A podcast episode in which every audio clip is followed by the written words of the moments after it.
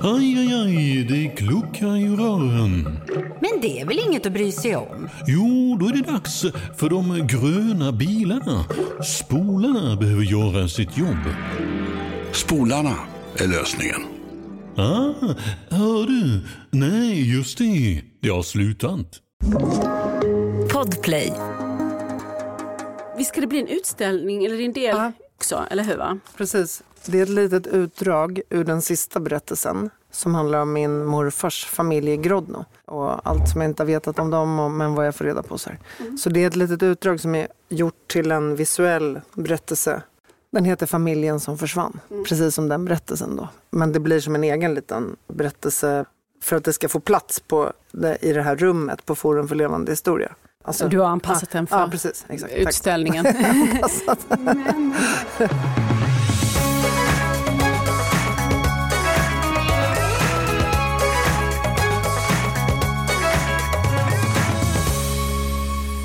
välkommen till Samtal om böcker. Det här är avsnitt 26 och jag heter Lisa Tallroth.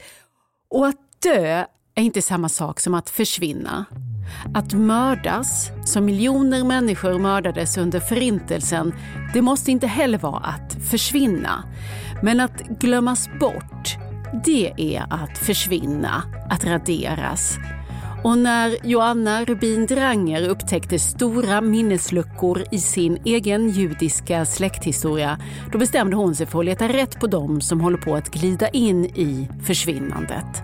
Ihågkom oss till liv heter hennes bildroman och Joanna Rubin Dranger är dagens gäst. Sen har vi Mattias Timander på ingång och han är laddad för årets Selma. Mer om det senare.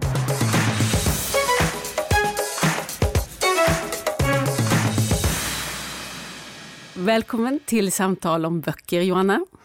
Tack. Ja, nu ligger det ett riktigt praktverk framför oss. Ihågkom oss till liv. Eh, Men för att påminna lite grann om eh, vem du är så var vi ju många som förälskade oss i Fröken Märkvärdig och i Fröken Livrädd. Två figurer som du skapade för, nu är det väl 15-20 år sedan va? Som det var, det var också bildromaner. Och du har jobbat som serieskapare och med bild och sen har du ju framförallt haft en karriär på Konstfack som professor i illustration. Du är knuten till dem fortfarande på något vis va? Ja, nej men jag är så kallad affilierad professor i illustration då, sen jag slutade själva tjänsten. Så det betyder att jag är ju inte där och har inte det här ansvaret för utbildningar som jag hade tidigare alls. Men du jobbar ju med eh, bild och bilders betydelse på ett, ja, kan man säga, ett eh, akademiskt vis. Du har skapat en, en hemsida som heter bildmakt.se. Bild, bildersmakt.se. Bildersmakt, Ja, och det, är, det är inte alls bara jag utan det är ett samarbete med jätte, jättemånga människor. Det handlar om rasistiska och antisemitiska stereotyper och att folkbilda om dem. Och sen har jag ju föreläst mycket om visuell makt, heter min föreläsning som jag har gett sedan 2013 kanske. Och det är himla spännande begrepp det där, visuell makt och du pratar om visuell läskunnighet. Vi kanske kan få återkomma till det, för jag tror att det, du har tagit med dig en del av den kunskapen även in i i det här skapandet av den här boken. Men vi måste ju börja med att dyka in i den. För vad är det som ligger framför oss egentligen? Eh, Det här är ju en rejäl bok och det är en bildroman. Är det det vi ska kalla det? Ja, eller en tecknad eh, roman eller en graphic novel är ett, eh, det liksom engelska begreppet som sen översätts på lite olika sätt i Sverige. Och det är flera berättelser i den här boken. Eh, Det handlar ju om din släkt, din mormors föräldrar, eh, Aron och Rebecka som flydde till Sverige. De flyr pogromernas Ryssland alldeles i början av 1900-talet och bygger upp ett liv i Sverige. Och det är en jättestor familj det här, en stor släkt och det är många syskon i varje generation. Så vi får följa delar av dem under 1900-talet och förstås genom kriget som kommer att förändra läget helt och hållet för, ja, för miljoner av människor och din släkt är en del i det här. Och sen så är det en berättelse, du har byggt upp det i kapitel eller i, eh, ja, som olika mindre berättelser inom ramen för den stora. Eh, och det är en väldigt spännande historia som i stort sett är ditt detektivarbete när du är på jakt efter just försvunna släktingar. Mm. Som vi har fått reda på lever förmodligen då i Israel.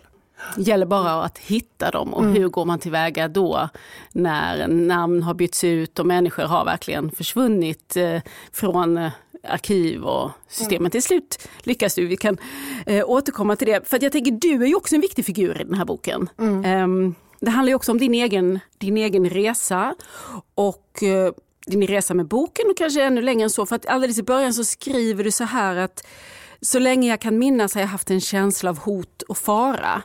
På en av mina speglar har jag som en påminnelse skrivit det som min mormors pappa Aron brukade säga till sina barn.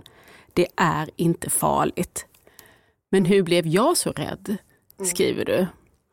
Har, du, har boken börjat där någonstans, i en sån känsla? Det har ju funnits med på i allt. på något sätt. Eh, och det är ju inte en slump att min första vuxenbok hette Fröken Livrädd.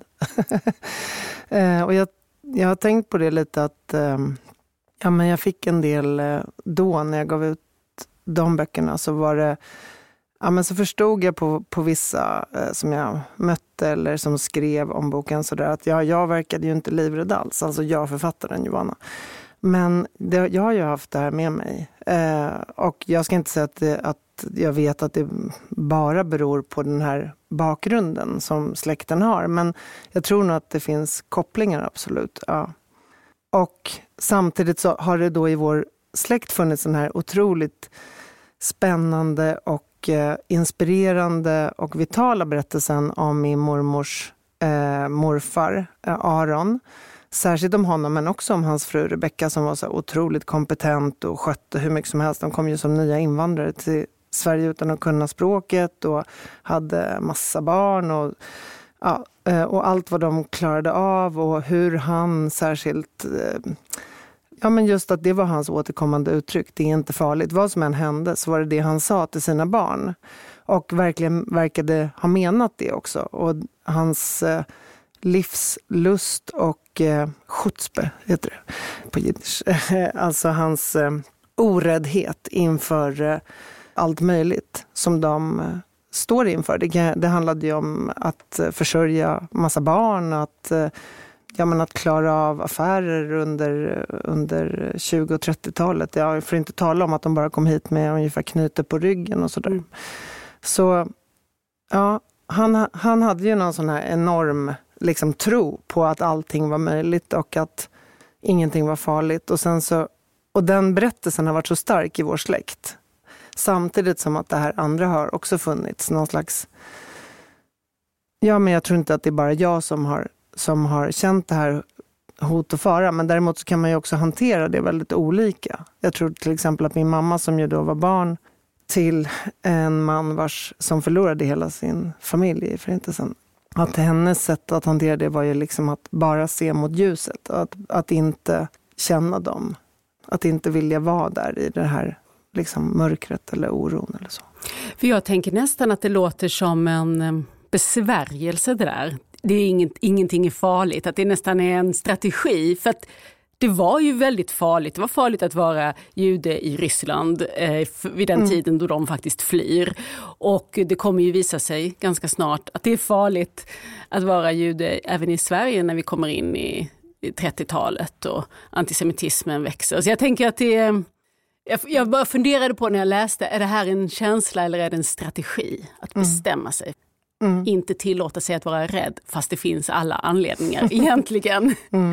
Jag tänker väl kanske på det också som om att de kommer ifrån de här extremt våldsamma pogromerna som ju också är intressant liksom att vi i familjen och släkten alltid har hört att de lämnade Ryssland på grund av de här pogromerna. Men ingen av oss tror jag har förstått vidden av pogromerna. Och det var ju så märkligt när jag började söka och hittar alla de här artiklarna som har skrivits då i USA i realtid. När det händer så rapporterar man ju amerikanska tidningar om de här pogromerna för att de är något helt, ja, helt osannolikt våldsamma.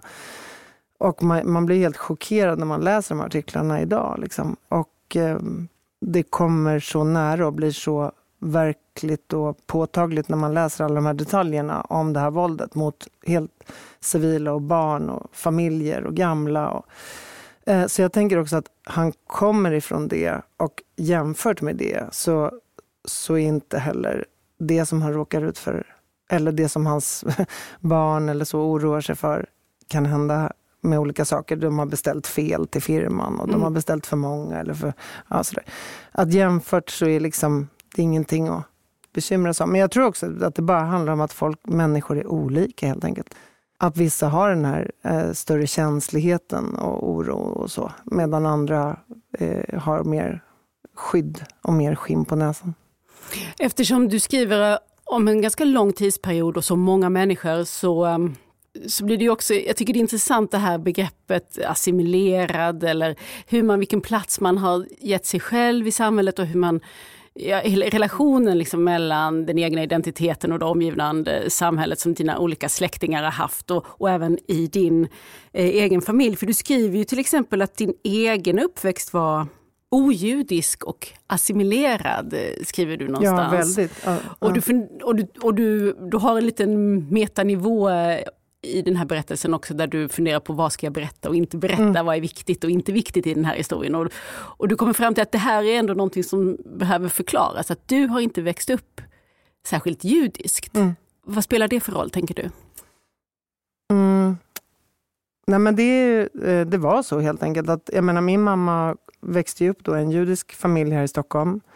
Eh, men var ung under 60-talet och var arkitekt och umgicks i kretsar och gifte sig med min pappa som, där de alla som de umgicks med var liksom, de gick ur Svenska kyrkan, de gick ur försam, judiska församlingen. De var liksom eh, bort med alla de här gamla traditionerna, med det borgerliga, in med det nya, med liksom det som är, inte har heller någon historia eller liksom som, är, som inte är belastat. Eh, sådär.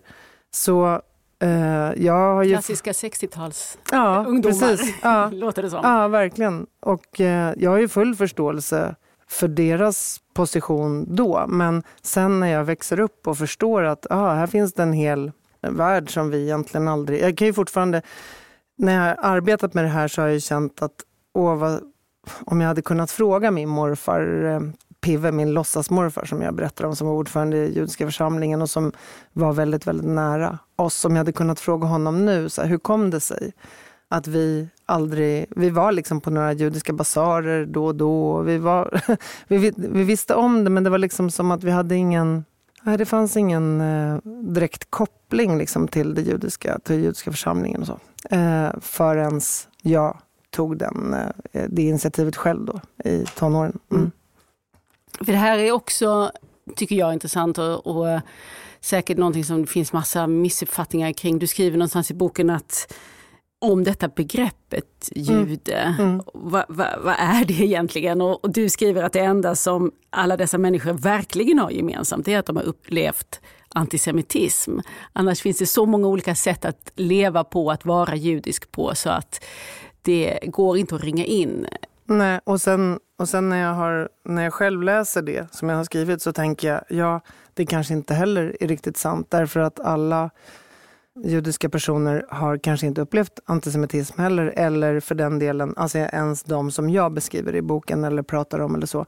Eller, eller eh, vissa kanske också har upplevt det, vad ska man säga, någon slags objektiv eh, bedömning men inte själva velat ta in det. Därför att det är också så att Ja, men att det finns ju många sätt att hantera eh, en identitet som andra kan ha mycket föreställningar om. Mm. Och att man kan ju också vilja slippa allt det. Och slippa, om man ens möter det, ta in att det är det man möter. För det är, det är så plågsamt att, att behöva hantera det. Det försöker jag också beskriva i boken, att det ofta är liksom väldigt förvirrande när man möter olika typer av fördomar och antisemitism då, till exempel. Att bli definierad av någon annan plötsligt utan att riktigt förstå varför. Eller alltså inte ja. riktigt se grunden för den, det utpekandet. Ja, och ibland så kan det ju vara extremt tydligt att det är det som händer och ibland kan det ju vara mycket mindre tydligt att man inte riktigt vet vad, vad betyder det här och varför händer det och hur, vad var det egentligen som hände? Det händer ju också alltid i realtid. Det händer ju så att man inte hinner själv kanske reagerar, man kanske är med andra människor och man, det blir gena, man skäms ju också. Man, tar, man internaliserar ju liksom en del av det. Aj, aj, aj, det kluckar i rören. Men det är väl inget att bry sig om? Jo, då är det dags för de gröna bilarna. Spolarna behöver göra sitt jobb. Spolarna är lösningen. Ah, hör du? Nej, just det. Det har slutat. Ett poddtips från Podplay. I fallen jag aldrig glömmer djupdyker Hasse Aro i arbetet bakom några av Sveriges mest uppseendeväckande brottsutredningar. Går vi in med hemlig telefonavlyssning och, och då upplever vi att vi får en total förändring av hans beteende. Vad är det som händer nu? Vem är det som läcker? Och så säger han att jag är kriminell, jag har varit kriminell i hela mitt liv men att mörda ett barn, där går min gräns. Nya säsongen av Fallen jag aldrig glömmer på Podplay. Hänger det här ihop? Alltså, blir det en del av, av din judiska identitet, att du också har den här historien som du, behö, du, du vill ta reda på? Men jag tycker mig också att det finns någon slags ansvarskänsla här att, att, känna, mm. att ta reda på vad mm. som har hänt i en släkt. Jo. jo, men jag tror absolut att om jag inte hade identifierat mig så starkt judiskt som jag gör, därför det finns ju andra personer i vår släkt som inte alls gör det. Alltså det är ett val som man också kan göra. Då hade jag inte varit så intresserad av allt det här. Som, och jag har varit intresserad av det länge. Vi har ju haft en del av det här materialet länge och jag har återkommit till det på massor med olika sätt. Och under den tiden, när jag, de tio år när jag arbetade på Konstfack, så var det någon period när jag hade lite mer tid och då satt jag och transkriberade en flera timmar lång intervju som, som vi har haft sen eh, egentligen då sedan 1980 med min mormor och hennes syskon. Mm. Vilken lyx, vilken källa! Ja, fantastiskt. Och den här, eh, också en, en, annan viktig källa har ju varit den här boken som släkten beställde av en svensk folklivsforskare om just Aron. Framförallt om Aron, men också om Rebecka och om deras tid på Hindos och så. Så den, utan den hade ju jag inte haft så mycket material. Och det var där jag började. Det var, jag trodde ju liksom att jag skulle... Jag visste ju inte att det saknades en massa pusselbitar. Jag visste ju inte att det, det var en massa saker som jag skulle börja leta efter. Utan jag trodde när jag började att jag skulle berätta ungefär det som finns i de här intervjuerna och det som finns i, i den här folklivsforskarens bok. Och, fast i bildform och liksom med, med mig själv inlagd på något sätt. Och den berättelsen finns i, i ja, boken om, om Hindå mm. som du nämnde som är den lilla ort, ligger eh, några mil utanför Göteborg och som eh, vi idag väl skulle kalla för en resort. Men mm. det var en slags rekreationsort hette det på den tiden. Så det var lite så här, fint folk kom och sportade mm. och där eh, slog sig släkten ner och startade en affär. Det är i sig en väldigt spännande historia, liksom en lite 1900-tals eh, historia. Den här eh, orten och skolan som låg där och många idéer i svang just där kring hur man skulle leva. Det tyckte jag var en väldigt spännande kapitel. Men den, den var egentligen då lite eh, bekant för dig sedan tidigare. Och när, berätta det här när du börjar ana att det finns luckor här i, ja. i historien. Vad är det som, hur, kommer du fram, hur kommer du på det? Det är samma material som jag har haft hela tiden. Men jag såg det på ett annat sätt när jag, när jag tog mig all den tiden att eh, gå djupt in i det och strukturera upp vad står det egentligen här.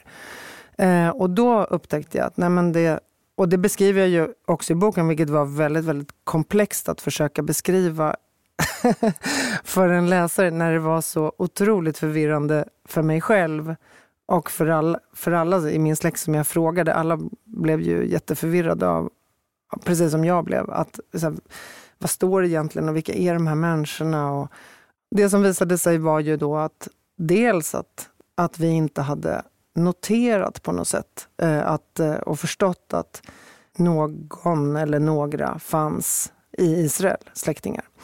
Eh, men sen var det ju också då att det var flera personer som hade överlevt förintelsen i en stor familj som tillhör vår släkt, som vi inte hade känt till att de hade överlevt. Och det, och det här i kombination var ju då, ledde fram till den här, de här personerna som jag sen lyckas spåra upp och träffa.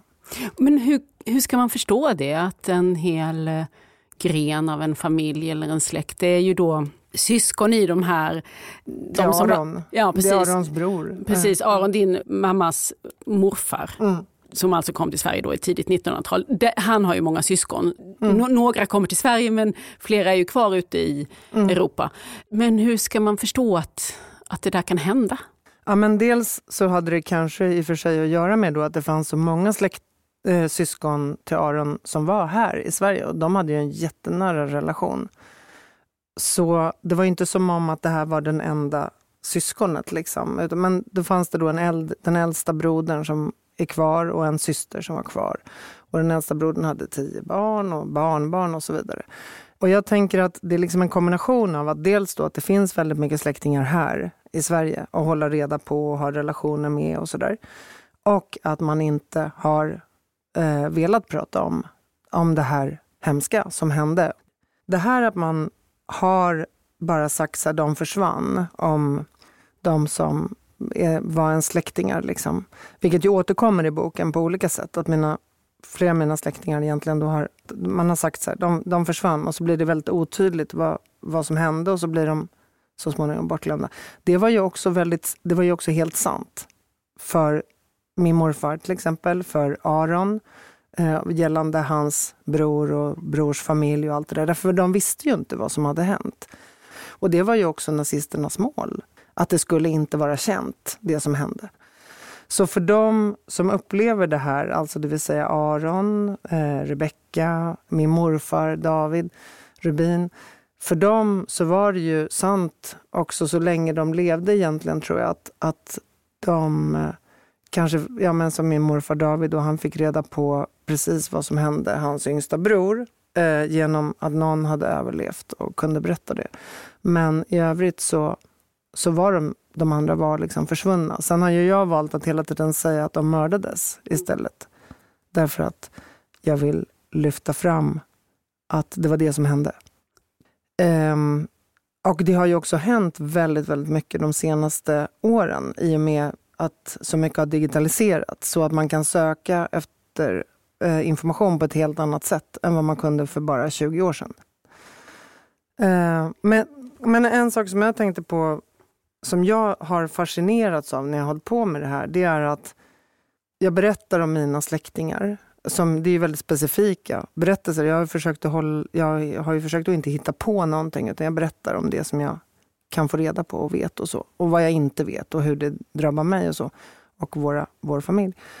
Men jag tycker också att det är så fascinerande att det speglar så mycket större händelser. Eh, som att det finns då den här familjen i Norge under den norska ockupationen. Och när jag läste det som jag läste eh, för att kunna göra den berättelsen så blev jag väldigt chockerad över att jag har inte alls vetat om hur det var i Norge och vad som hände. Och, och så har det ju varit också jättemycket för mig med den här boken. Att det har varit drabbande och chockerande det jag inte har vetat om min familj, men det har också varit drabbande och chockerande det jag inte vetat om liksom rent historiskt, vad som hände. Och du tvivlar en hel del på om du ska klara av det här. Du skriver någonstans att jag kanske kommer drunkna i det här mörkret. Mm. Gjorde du det? Ja. Nej, men jag gjorde ju inte det. Jag sitter ju här. Men eh, jag kände ju, eh, dels var det ju väldigt, eh, periodvis var det ju väldigt, väldigt tungt att hålla på med det. Och eh, att det väckte mycket oro och ångest och så. Eh, men så hade jag mina metoder så att jag periodvis har jag sprungit varje morgon 30 minuter för att liksom psykiskt eh, få upp rätt nivåer av att klara av att ta in och så har jag tagit pauser som jag också beskriver i boken. Sen har det ju också varit de tvivel som jag haft på kommer jag klara av att få andra att bli engagerade? Känna det som jag har känt när jag har letat och hittat saker. Upprördhet och så vidare. Det är en släkting till dig som ifrågasätter det här projektet, eller inte kanske projektet, men hon säger så, varför, varför är du så intresserad av det här? Det är, de är så lång, det är så långt bort i släkten, det är så avlägset. Och var, för du når ju nästan en, vad det verkar, lite manisk fas mm. där ett tag när du ja, letar, letar, letar svar i, i brev och register och du intervjuar dina släktingar runt om. Vad svarar du den här släktingen? Varför, varför bryr du dig så mycket om de här avlägsna? Ja men vem ska minnas dem om inte vi? Vem ska bry sig om inte vi? Och det är också just de släktingarna som sen leder fram till de här levande släktingarna i Israel som vi har ett fantastiskt fint möte med. Och som vi fortfarande har kontakt med. Då. Många i släkten har fått kontakt med dem. Så det är ju det blev ju väldigt liksom, positivt i slutändan. Men jag började också fundera på det här ja, men begreppet släkt och familj och vad betyder det i det här? Alltså, det är ju i släkten du letar. Vi Mm. vet att det var miljoner människor som försvann. Men du, du letar ändå i ditt släktträd. Hur tänker du kring familjen och släkten? Är det en, Mm. ett särskilt ansvar för dem just? Ja, men det, det måste jag ju ha känt ju. Eller det, ja tydligen. Men eh, ja, jag har ju massor med släktingar som jag inte skriver om. Alltså jag har ju också en, en hel sida från, på min pappas sida som är en, inte en judisk släkt. Så det är ju också någonting med den här judiska sidan av släkten som har varit som, har, som jag har dragits till och som har varit eh, spännande för mig alltid att, att liksom försöka se, läsa ut eller få, vad ska man säga, öppna, öppna dörren till. Mm, jag vet inte. Nej, jag, alltså jag, för mig som läsare som inte känner din släkt så får jag ju en ingång till eh, viktigt stycke 1900-talshistoria och människors strategier i olika skeden av, av kriget och förintelsen och antisemitismen före, under och efter och genom generationerna. Så, så jag menar, för min del spelar det ju ingen roll om, om ni är släkt eller inte, men jag tänker du har ju haft ett, e- det är ju också ett eget, ett eget projekt. Du har ju skrivit den här någonstans också för din egen skull, tänker jag, den här boken, eller gett dig in i det här. Ehm, jag har också det, när du sa förut eh, det här man, liksom att det är nästan som en manisk Jag kallar dig manisk. Ja, nej, nej. nej, men det är det att eh, jag har eh, liksom med mig en lite knasig sida kan man säga, som är att om jag har börjat leta efter någonting så kan jag inte sluta. Och jag har tre barn. Den, Det finns mycket att leta efter då. det finns Var är de till exempel? och det har under de senaste 20 åren funnits mycket att leta efter. Vantar, mössor, små leksaksfigurer och så vidare. Och det där har kunnat ta sig liksom lite knasiga proportioner ibland när jag då inte kan sluta leta förrän jag hittat lilla My i en, bakom en soffkudde efter åtta timmar. Men i det här så blev det eh, så var det väl nästan nödvändigt liksom, med just den där sidan att, att när jag väl har börjat så kan jag liksom inte sluta. Aj, aj, aj, det kluckar i rören. Men det är väl inget att bry sig om? Jo, då är det dags för de gröna bilarna. Spolarna behöver göra sitt jobb. Spolarna är lösningen. Ah, hör du? Nej, just det. Det har slutat. Ett poddtips från Podplay. I podden Något Kaiko garanterar östgötarna Brutti och jag, Davva, dig en stor dos skratt.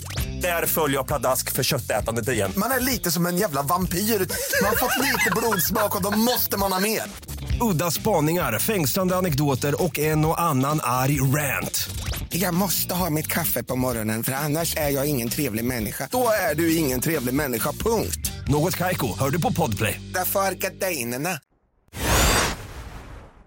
Du är ju en bildkonstnär, en bildmakare. Så det här har du ju berättat i bild. Vad är det för slags bilder du vill göra? Ja, alltså jag har ju aldrig tidigare gjort en dokumentärbok där, där det måste stämma på det här sättet. Det vill säga om jag skildrar en, en scen av vad som hände de som blev deporterade till Auschwitz så vill ju inte jag, alltså det kunde ju vara en eh, helt abstrakt bild om, av, som, där jag gestaltar min, min fantasi om det. Men om jag berättar det som om att det var så här det hände, då vill jag ju också att det ska vara någorlunda korrekt. Så det har ju varit mer en sån eh, balansgång, tänker jag. Och det har ju också varit väldigt viktigt för mig att, ja men som till exempel de här registerkorten som jag har med i boken, som är verkliga svenska registerkort över svenska och eh, icke-svenska judar i Sverige under kriget. De har jag ju med som, som fotografier och inte som teckningar också för att understryka att det här är de korten och för att visa precis hur de såg ut och hur de var ifyllda och sådär.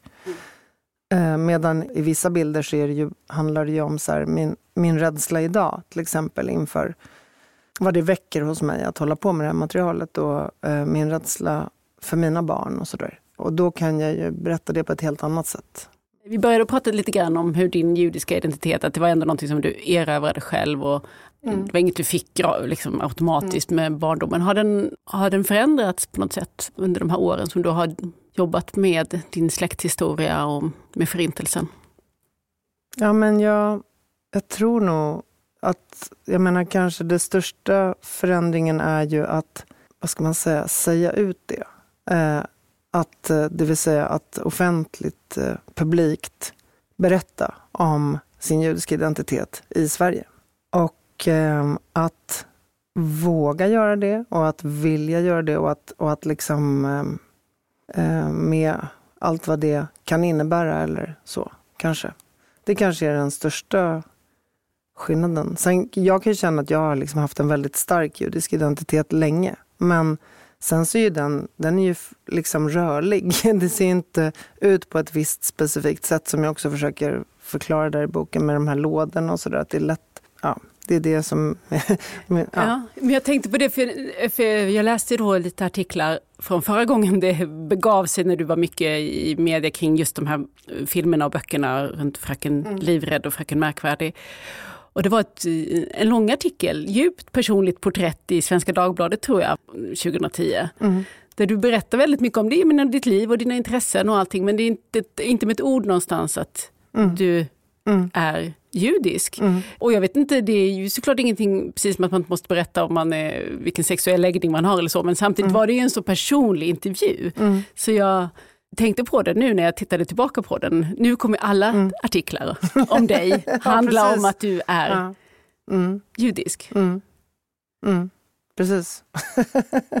ja, Varför, varför tror du att det inte stod med då? Jag har faktiskt ingen aning. Och jag, min, jag, 10-15 vet, år sedan. Jag vet inte, var det den som handlar mycket om paddling kanske? Ja, om att jag det tycker om att paddla. Jo, det tror jag att det var. För det, det, vill jag, det kan jag också säga. Jag tycker om att paddla, åka snowboard, långfärdsskidor. Ja. Det är ingen... Jag är inte, Det ja. är inte bara judisk. Nej. jag förstår. Men eh, Jag tänker att det har liksom inte varit, det har inte varit hemligt, men det har eh, heller inte varit någonting... Nej, men jag har nog känt så här, eh, att eh, det... Nej, men att jag, är, har, jag, internalis, alltså jag internaliserar nog en hel del, eller vad ska man säga, ser framför mig en hel del faror som kan uppstå. Eh, och som ju också delvis har gjort det under livets gång. Det vill säga, det är inte helt, jag vet ju att det inte är helt eh, problemfritt att man, att man är offentlig med sin judiska identitet, till exempel. Men jag tänker nog att för min del att det, inte, har- det har nog inte handlat så mycket om så här, åh, jag är rädd för att det ska komma nazister eller sådär. Utan mer för liksom att folks föreställningar ska ställa sig emellan någonting som jag vill berätta. Jag har ju den, den, det dilemmat kan man väl säga, att jag hela tiden kan föreställa mig vad andra människor ska tänka och tycka. Det är inte så praktiskt eh, alla gånger jag skulle ändå vilja återknyta till titeln. Ihågkom oss till liv. Jag fick nästan för mig att det var en strof. Ja, men det är ju det. Det är det. Alltså från en bön som eh, man läser mellan de två st- största, vad ska säga, stora högtiderna. Och då är det där en del av det som man läser. Eh, sen har den eh, förintelseöverlevande svenska konstnären Lenke Råthman, hon gjorde på 70-talet ett verk, ett konstnärligt verk med den här titeln, som ju kommer då från den här bönen. Och man läser den där bönen också varje dag då, i- under tio dagar. Men, men bönen är ju lång liksom, och sen så återkommer det här. Och eh, jag har också då sett att eh, ja, men Judiska museet i Oslo har haft en utställning med den här titeln på norska. Och det har gjorts liksom olika verk med den här titeln. Så det är inte, det är precis som du säger, det är en strof. Men den är ju väldigt, när jag hörde den, vilket var genom Lenke Rothmans verk, som en släkting till mig har skrivit om, så var det som att det fångade precis det som jag försöker göra i boken. Det vill säga att ihågkomma de som jag skriver om till liv. Inte bara de som blev mördade och de som försvann, utan också de som levde här i Sverige. Och som jag tycker är så fascinerande berättelser. Liksom att om något som man kanske, de flesta kanske inte föreställer sig om hur det var förr. om man kanske lätt tänker sig så här, ja, det var på något sätt då för tiden säkert, alltså början på 1900-talet, säkert jättesvårt att komma som judisk invandrare. Men den här, just den här berättelsen berättar ju en väldigt annorlunda historia om hur det var, nämligen att det också kunde vara väldigt oproblematiskt. Mm. Mm.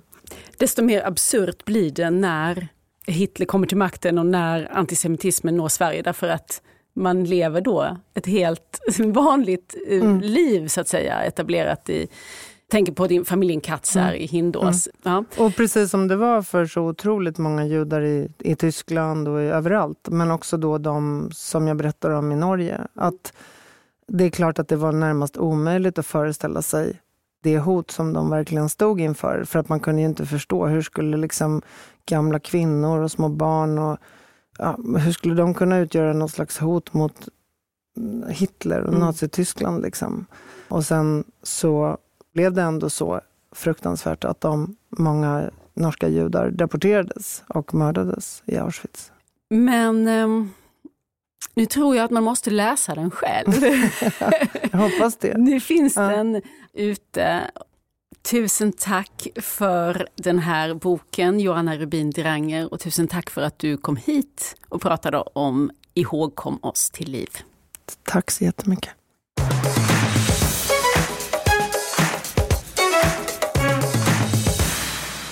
Mattias Timander, redaktör på Selma Stories. Nu är det inte många dagar kvar. Ni räknar ner mot den 8 mars som är en särskild eh, högtidsdag ja, på flera sätt, internationella kvinnodagen, men det har också blivit en Selma-dag. Eh, du får berätta, vad är det som händer den 8 mars? Jo, men vi har ju varje år en feministisk gala på Selma Stories, Årets Selma. Och den hålls, precis som du sa, traditionsenligt på eh, internationella kvinnodagen, 8 mars.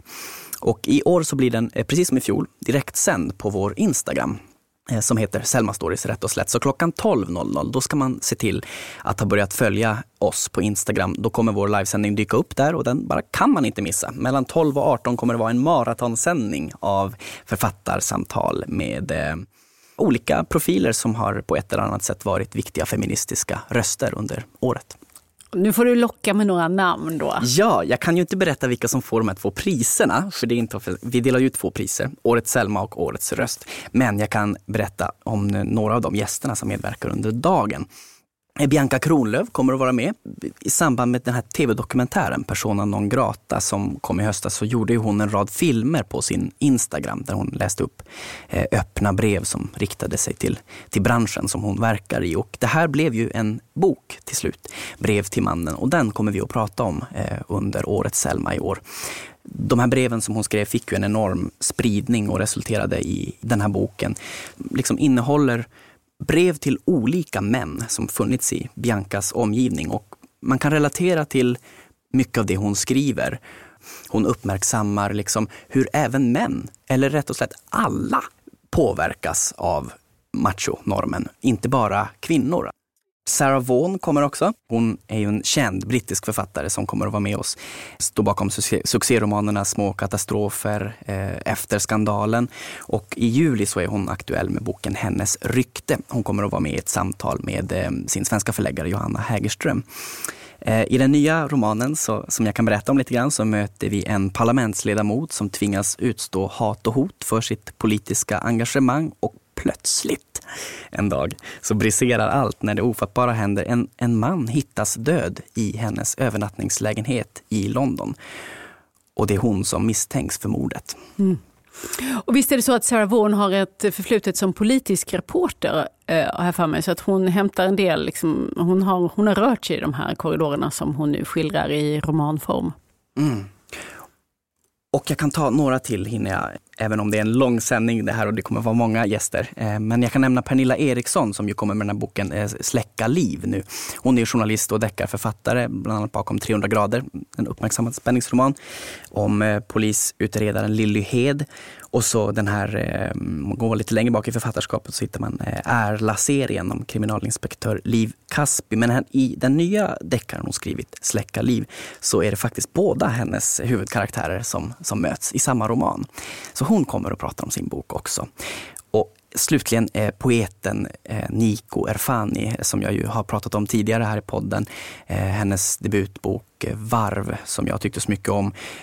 Ja, det är en väldigt speciell eh, diktbok som eh, handlar om att ärva trauma eh, och om hur det allra mest eh, enkla och rena, eh, i det här fallet ett barns kärlek till sin förälder, eh, i själva verket kan vara mycket, mycket komplicerat.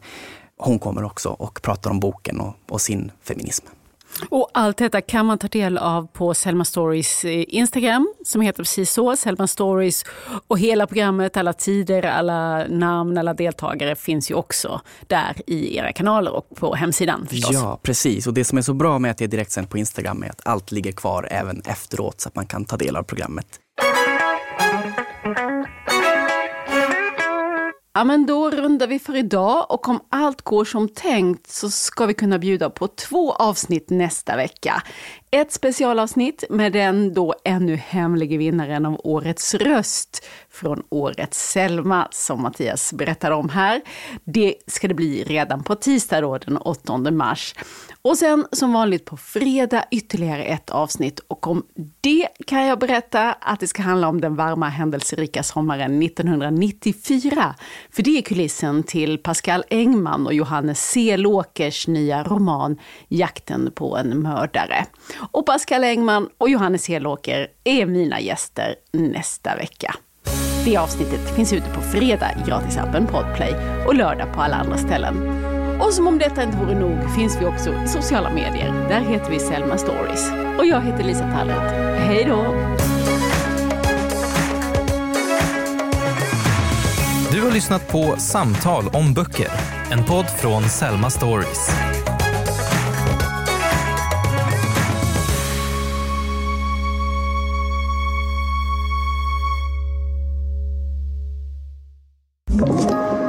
Podplay. Ett poddtips från Podplay. I fallen jag aldrig glömmer djupdyker Hasse Aro i arbetet bakom några av Sveriges mest uppseendeväckande brottsutredningar. Går vi in med hemlig telefonavlyssning och, och då upplever vi att vi får en total förändring av hans beteende. Vad är det som händer nu? Vem är det som läcker?